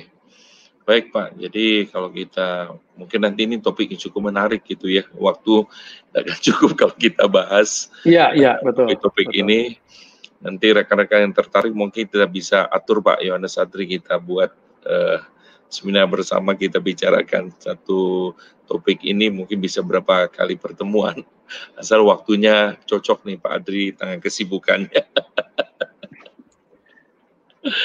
Iya, oke. Okay. uh, Andri ini waktu terus uh, berjalan. Kalau kita lihat berarti uh, kembali kepada topik kita nih, COVID ya. itu apa tanda tanda akhir zaman? Uh, tadi sudah dijelaskan oleh Pak Adri. Kalau begitu, apa yang Pak Yonas Adri mau katakan tentang pengajaran Tuhan tentang akhir zaman, Pak, supaya kita tidak salah nih, tidak memahaminya. Uh, keyakinan kepastian Yesus datang kedua kali itu kita pegang itu ajaran okay. Alkitab. Ya, okay. gereja harus berpegang kepada hal itu. Hmm. Berkaitan dengan kedatangan second coming atau akhir dari dunia ini kesudahan dunia itu, Alkitab tetap mengajarkan dengan jelas sekali itu perkataan Yesus sendiri tidak seorang pun yang tahu kapan waktunya. Begitu loh. Ya. Itu hal kedua yang harus kita pegang. Ya, hmm. yang ketiga adalah Yesus meminta kita untuk bersiap-siap, berjaga-jaga. Karena kau tidak tahu waktunya kan. Gitu seperti pencuri pada waktu malam. Ini sesuatu yang sepertinya nanti akan sangat mengagetkan. Kita nggak pernah bisa tahu. Termasuk tanda-tanda. Katakanlah kita ini percaya tanda-tanda pun, yang seperti tadi saya katakan di awal-awal ya, waktu kita bicara Matius 24. Katakanlah, oke okay lah kita yakin ada tanda-tanda. Tetap kita nggak bisa memastikan apakah ini tanda yang paling klimaks nih apakah ini tanda yang paling terakhir nih? Nggak bisa. Begitu loh. Jadi memang kita harus bersiap sedia untuk menghadapi akan hal itu. Begitu loh. Hmm. Nah, kalau berkaitan dengan topik kita hari ini, saya hanya bisa berkata begini. COVID-19 sebagai bagian yang nggak bisa lepas dari dunia yang memang uh, apa penuh dengan penderitaan, dunia yang memang uh, sudah jatuh di dalam dosa, maka kita nggak bisa lepas dari yang namanya penyakit termasuk COVID-19 itu. Uh, kalau mau dikaitkan dengan akhir zaman, saya hanya mengaitkannya begini, mengutip kembali Roma pasal 8. Ketika Paulus mengatakan kita ini semua sama-sama seperti mengeluh, ya seperti sakit bersalin ini. Itu yang kita alami kan digambarkan. Ya, dan kita ini apa? Kita ini menantikan. Paulus mengatakan itu dengan jelas sekali gitu loh. Ya, bahwa uh, apa kita ini sama-sama dengan segala makhluk yang lain, kita ini menantikan nih ya pengangkatan kita, pembebasan tubuh kita, melihat sesuatu ke masa depan, begitu loh. Uh, jadi uh, eh, COVID-19 ini, kalau saya boleh mungkin pakai dengan kalimat akan berkata ini seperti satu apa ya, ya satu reminder mengingatkan kita bahwa ini waktu terus berjalan, satu waktu kita ini akan bertemu dengan Yesus dan di dalam dunia sedang menderita, termasuk ketika kita melewati COVID ini, uh, pandangan kita itu tertuju ke depan ya hmm. pelepasan yang sesungguhnya, keselamatan yang sesungguhnya, kesembuhan kalau kita boleh pakai istilah itu ya, kesembuhan yang sesungguhnya itu masih kita nantikan di di ke depan, begitu. Hmm. Jadi saya memahami uh, masalah uh, eh, COVID-19 itu kalau mau dikaitkan dengan uh, kedatangan Yesus yang kedua kali atau dengan akhir dunia itu saya coba melihat uh, ke sana begitu loh bahwa kita ini hidup dalam masa yang memang sedang menantikan kita tidak tahu kapan kita tetap jalani dengan tetap bertekun. Hmm. Oke, okay. jadi memang uh, harus dengan percaya penuh ya Pak mau kedatangan Tuhan yang kedua kali pasti terjadi, tapi nggak ada istilahnya uh, tanda-tanda khusus begitu ya, seperti pasti begini, pasti begini, pasti begini, exact yeah. nah, baru terjadi kedatangan Tuhan yang kedua kali gitu ya dan ya kita minta kita memang untuk berjaga-jaga, bersiap-siap mengenai hal ini. Tidak ada kaitannya dengan ya, apa namanya uh, apa namanya tanda-tanda tadi. Oke, okay. uh, lalu uh, apa namanya kalau kita melihat Pak uh, air ini kan banyak sekali orang coba melihat nih wah ini tanda-tanda kaitkan lagi dengan antikris, antikris begitu. Nah, ini sedikit berkaitan juga banyak bertanya seperti tadi. Ada yang tanya, sebenarnya menurut pandangan Pak Adri, antikrisnya itu siapa begitu Pak? Ada yang mengaitkannya dengan tokoh-tokoh dunia gitu. Ada mengkaitkannya dengan apa namanya, wah ini satu negara dan sebagainya. Kalau seperti itu, eh, Pak Andri melihatnya bagaimana? Ya, saya coba ringkaskan aja ya secara cepat begitu ya. Apa yang eh, Alkitab itu khususnya perjanjian baru ya, ajarkan mengenai antikris. Sebenarnya istilah antikristus kita tahu hanya muncul secara eksplisit itu di surat 1 dan 2 Yohanes ya. Itu beberapa kali muncul di sana dan kalau melihat dari uh, ayat-ayat yang ada di surat 1 dan 2 Yohanes itu uh, ada beberapa hal yang uh, kita bisa apa ya, kita bisa ringkaskan seperti ini. Yang pertama begini. Ternyata di dalam surat 1 dan 2 Yohanes itu kehadiran antikristus itu tidak selalu dikaitkan dengan periode khusus menjelang akhir zaman. Begitu. Hmm. Ya, tidak selalu dikaitkan uh, dengan apa satu figur khusus atau periode khusus menjelang akhir zaman. Hmm. Uh, di surat 1 Yohanes itu dan 2 Yohanes itu jelas sekali antikristus itu bahkan digambarkan sepertinya itu adalah figur di masa lalu. Yohanes hmm. nggak selalu nggak nggak bicara hanya peristiwa-peristiwa di masa datang, tetapi juga di peristiwa di masa yang lalu. Dan dia mengatakan dari salah satu ayat yang kita baca itu sudah banyak antikristus nih, begitu loh. Ya, hmm. jadi nggak nggak dikaitkan dengan periode khusus nih menjelang akhir zaman. Yang kedua, ini yang baru saja saya katakan, ada banyak antikristus. Jadi salah kalau kita beranggapan bahwa antikristus itu hanya satu single figure, satu figur khusus yang akan muncul yang kita nggak ketahui siapa itu, maka gereja sepanjang zaman itu menurut saya harus harus perlu waspada, jangan tertipu. Karena bukan semua orang yang muncul dengan nama Kristus itu adalah orang-orang yang adalah hamba Tuhan yang sejati begitu. Mm-hmm. Kemudian yang yang ketiga yang saya bisa ringkaskan begini, kalau lihat dari perspektif satu dan dua Yohanes ya. Bukti mm-hmm. yang memberikan petunjuk kuat kehadiran antikristus itu adalah kehadiran pengajaran yang antikristen. Utamanya di sana bukan kehadiran atau aktivitas satu pemerintah atau satu uh, kuasa politik begitu loh. Jadi penekanan yang terlalu berlebihan mengenai figur antikristus nanti dikaitkan dengan kuasa politik, kuasa pemerintahan yang akan muncul, uh, itu mungkin perlu untuk uh, apa ya? Saya anggap agak berlebihan begitu loh. Penekanan hmm. PB itu lebih ke arah kepada kehadiran pengajaran yang menyelewengkan gereja Tuhan, gitu. Hmm. Ya, Uh, hal lain lagi yang masif begitu ya Pak, kekuatan secara masif uh, terjadi bangkit iya. lalu ya menyerang kekristenan. Uh, ya, uh, uh.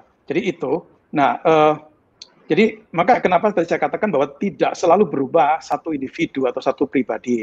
Uh, bisa juga itu berupa satu sistem pemikiran, bisa berupa juga satu pengajaran yang uh, apa bidat sekali, apa yang sangat menentang Yesus datang sebagai manusia.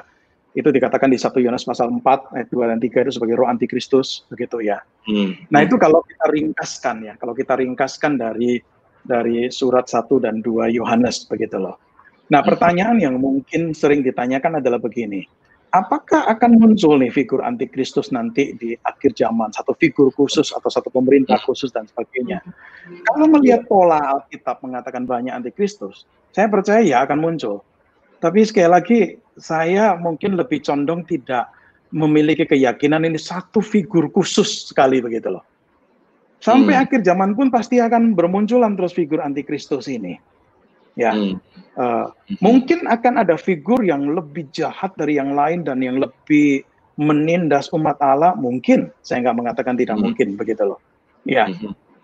Itu. Okay. Jadi ya, itu itu uh, pemahaman saya mengenai uh, antikristus itu secara secara uh, singkat begitu loh. Tapi sekali lagi hmm. jangan jangan begini. Saya hati-hati dengan satu apa ya?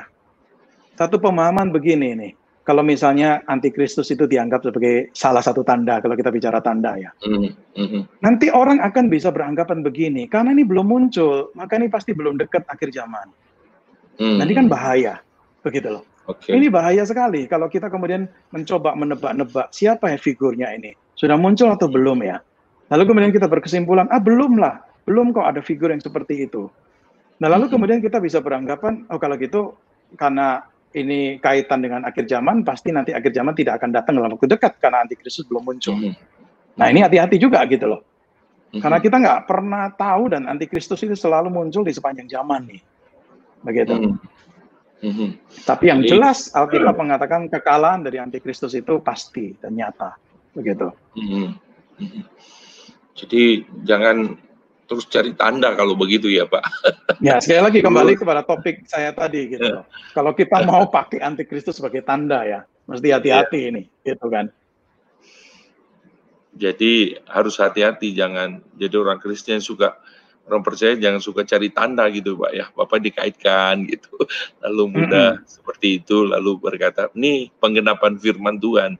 pengendapan firman Tuhan seperti begitu kan Pak Yohanes? Iya, saya khawatirnya itu. Secara umum, kalau tadi saya ambil contoh antikristus itu secara umum kalau kita mengandalkan pemahaman kita berdasarkan tanda, yaitu kita bisa sampai pada satu kesimpulan, ah belum kok, belum tandanya kok, begitu loh.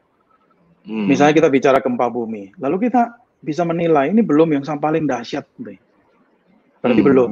Nah ini bahaya juga begitu loh. Saya lihat kan apa sikap berjaga-jaga itu tidak didasarkan didasarkan pada tanda begitu. Hmm. Jadi hati-hati perlu hati-hati sekali untuk kita itu eh, mengandalkan atau melandaskan akan kepercayaan kita Yesus sudah dekat waktunya atau tidak dat untuk datang ke dunia itu berkaitan dengan peristiwa tertentu, tanda tertentu. Hati-hati. Ini yang yang saya ingin sampaikan yang yang mungkin menjadi inti dari dari obrolan kita ya. pada malam ini. Oke, terima kasih. Pak Adri sangat luar biasa. Jadi berkati Pak Adri dan saya coba uh, merangkumkan sedikit Pak apa yang kita sudah bicarakan tadi supaya mungkin ada rekan-rekan kita yang coba bergabung di tengah bisa mengikuti dan bisa menangkap apa yang kita bahas tadi. Yang pertama, adanya penyakit di dunia seharusnya tidak mengejutkan kita termasuk COVID-19 ini ya. Karena kita berada di dalam dunia yang sudah dicemari oleh dosa Salah satu akibat dari dosa adalah muncul berbagai penderitaan dan penyakit. Tadi Pak Adi sudah kutip dari Roma 8 20 sampai 22 efek ada penghakiman atas dosa itu. Jadi secara gambaran besar kita bisa berkata bahwa memang pandemi ini merupakan pada yang kuat judgment Tuhan karena kejatuhan manusia dalam dosa. Tapi kita tidak boleh melihat bahwa setiap penyakit itu pasti adalah hukuman Tuhan terhadap orang atau bangsa tertentu. Nah, pandemi COVID-19 ini bukan satu-satunya pandemi yang pernah terjadi di dunia dan gereja-gereja yang pernah mengalami pandemi sebelum COVID-19 ini juga mengajukan pertanyaan yang sama, apakah itu adalah tanda akhir zaman. Nah, hal prediksi mengenai akhir zaman sesungguhnya bukanlah suatu hal yang baru dan mengagetkan sekalipun jenis ya penyakitnya ini baru gitu ya. Matius 24 memang jika kita membaca sekilas Yesus akan akan sedang uh, membicarakan mengenai tanda gitu ya kedatangan Kristus. Tetapi jika kita teliti secara saksama maka kemudian uh, topik dalam Matius 24 itu sebenarnya berbicara mengenai kehancuran bait Allah tapi memang yang menarik adalah pertanyaan kedua itu berkaitan dengan kedatangan Tuhan Yesus yang uh, kedua gitu ya. Perikop ini memang salah satu yang sulit dan sangat kompleks karena dicatat tidak terlalu lengkap. Nah, pertanyaan para muridnya kemungkinan besar dikarenakan kehancuran bait Allah bagi para murid adalah suatu hal yang sangat besar. Ya, kehancuran bait Allah adalah akhir dari zaman dan itu berbicara mengenai kedatangan Kristus. Tetapi menarik Yesus justru kemudian mengingatkan tentang bahaya penyesatan nah dari kesimpulan yang prematur dari tanda-tanda yang ada ya. Jadi kehancuran bait Allah itu sendiri. Kalaupun tanda-tanda itu berbicara mengenai kedatangan Kristus, kesulitannya adalah bagaimana menentukan tanda yang terakhir itu. Ya, itu sebabnya Yesus mencegah kita untuk berbicara mengenai tanda sebagai indikator untuk melihat kedatangan Kristus yang kedua kali ya. Jadi itu kurang lebih Pak yang kita bicarakan tadi kalau kita lihat di kitab Wahyu juga kita membahas beberapa hal. Ada pandangan yang berbeda dengan kitab Wahyu dan akhir zaman. Pandangan cukup populer mengenai akhir zaman adalah uh, tentang uh, rapture, ada zaman gereja, ada pengangkatan, rapture, lalu kemudian ada masa kesengsaraan, tribulation, tujuh tahun, dan di situ muncul antikris, lalu kemudian second coming. Nah, menurut pandangan populer, Wahyu 6 terjadi di uh, masa tujuh tahun tribulation yang tadi. Nah, bagi Pak Adri, kita Wahyu memang Ada yang berbicara mengenai akhir zaman, tapi tidak semua berbicara mengenai akhir zaman. Kita Wahyu juga berbicara mengenai peristiwa dan kehidupan orang-orang di zaman itu yang mengalami pergumulan dan kesulitan.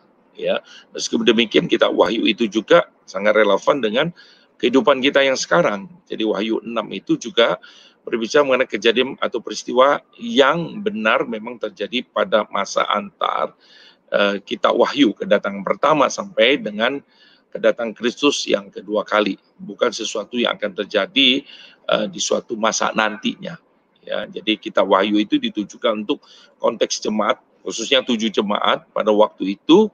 Dan gambar-gambar yang dipakai dalam kitab wahyu tentulah merupakan uh, konteks pada waktu itu. Jadi wahyu 13 tadi ayat 16 harusnya dilihat di dalam konteks pada waktu itu. Nah, istilah amil, posmil, premil berkaitan dengan kerajaan seribu tahun secara sederhana, premil itu kan cari Yesus datang sebelum kerajaan seribu tahun. Tapi posmil itu tidak secara harfiah bicara seribu tahun, tapi ada satu masa di mana ada zaman kemasan gereja sebelum kedatangan. Dan amil itu masa yang dijalani saat ini, dan inilah masa kerajaan seribu tahun. Dan Alkitab berbicara bahwa kedatangan Yesus kedua kali pasti akan terjadi dan harus meyakini kebenaran ini. Dan yang kedua, Pak Adil mengatakan Alkitab berbicara bahwa kedatangan Yesus kedua kali itu tidak ada seorang pun yang tahu. Dan yang ketiga, Alkitab bicara Tuhan Yesus meminta kita untuk berjaga-jaga.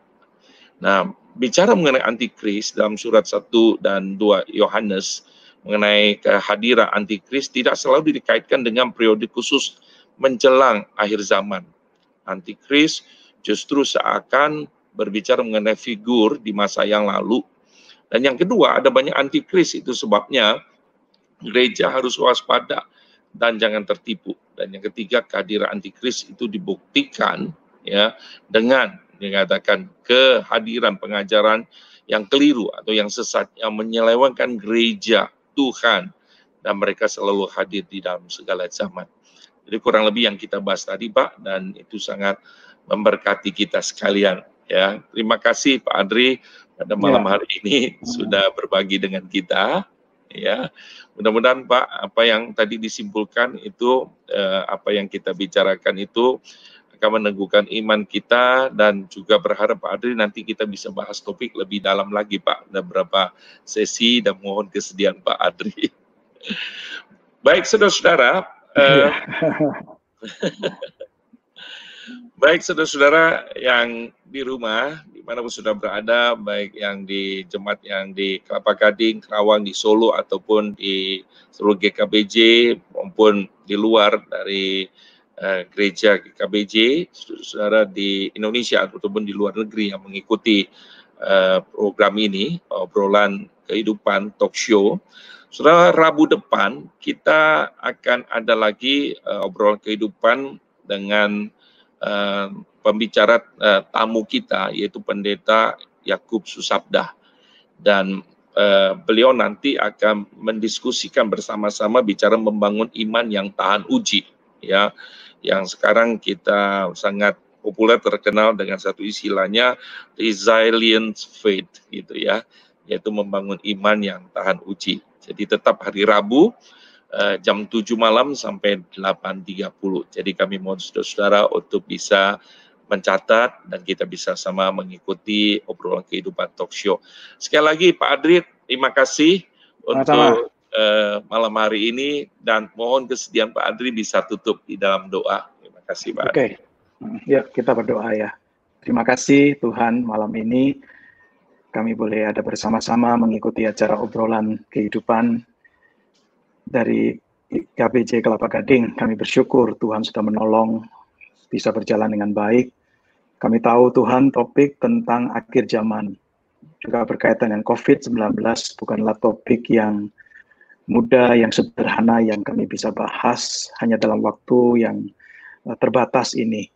Tetapi sejauh apa yang sudah kami pelajari, baik dari Matius pasal 24 maupun juga sekilas dari kitab Wahyu menolong kami untuk Eh, melihat kebenaran firman Tuhan, memahaminya, dan dengan pertolongan Tuhan kami dimampukan bukan hanya memegangnya dengan teguh, tetapi juga mengamini dan mengimani dan menjalani itu di dalam kehidupan kami.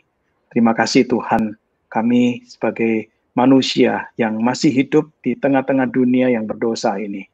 Dunia yang tidak pernah lepas dari kesulitan, pergumulan, penderitaan, dan juga bahkan penyakit. Tuhan kami menyadari inilah dunia kami. Dan inilah masa di mana kami itu terus menantikan uh, penggenapan pengharapan kami. Penebusan kami yang sempurna nantinya. Ketika Engkau ya Tuhan Yesus datang kedua kali. Ya Tuhan berikan kami kekuatan dan ketekunan dalam iman kami untuk terus bertekun sampai akhir. Di ya. tengah kesulitan pergumulan kami tidak give up dengan iman kami, tetapi kami mengarahkan pandangan kami kepada Tuhan yang senantiasa menopang kami dan Tuhan yang akan memimpin kami dalam perjalanan iman sampai kami bertemu muka dengan muka dengan Tuhan, sampai kami nanti bersama-sama dengan Tuhan di dalam kekekalan, bersama-sama dengan Tuhan di langit dan bumi yang baru. Terima kasih untuk apa yang boleh kami pikirkan dan pelajari bersama pada malam hari ini. Tuhan berkati ya, untuk para uh, audiens yang ikut dalam acara malam ini. Tuhan yang pimpin juga kehidupan mereka satu persatu. Tuhan yang akan memberkati mereka dalam perjalanan hidup iman mereka. Berkati juga untuk GKPJ Kelapa Gading untuk boleh menjadi saluran berkat melalui acara ini ataupun melalui berbagai acara lain yang uh, dirancang dan diadakan Tuhan pakai dan berkati untuk memberkati umat Tuhan. Terpuji namamu, kami bersyukur untuk malam hari ini. Kami naikkan syukur kami dan pujian kami, doa kami hanya di dalam nama Tuhan kami, Tuhan Yesus. Amin. Amin. Baik, terima kasih sekali lagi Pak Yohanes okay. Adri uh, untuk Eh, kesempatan pada malam hari ini sudah menjadi seluruh berkat bagi kita kepada saudara-saudara para pemirsa yang sudah mengikuti obrolan kehidupan ini. Tuhan memberkati kita sekalian. Selamat malam Pak Adri dan rekan-rekan sekalian.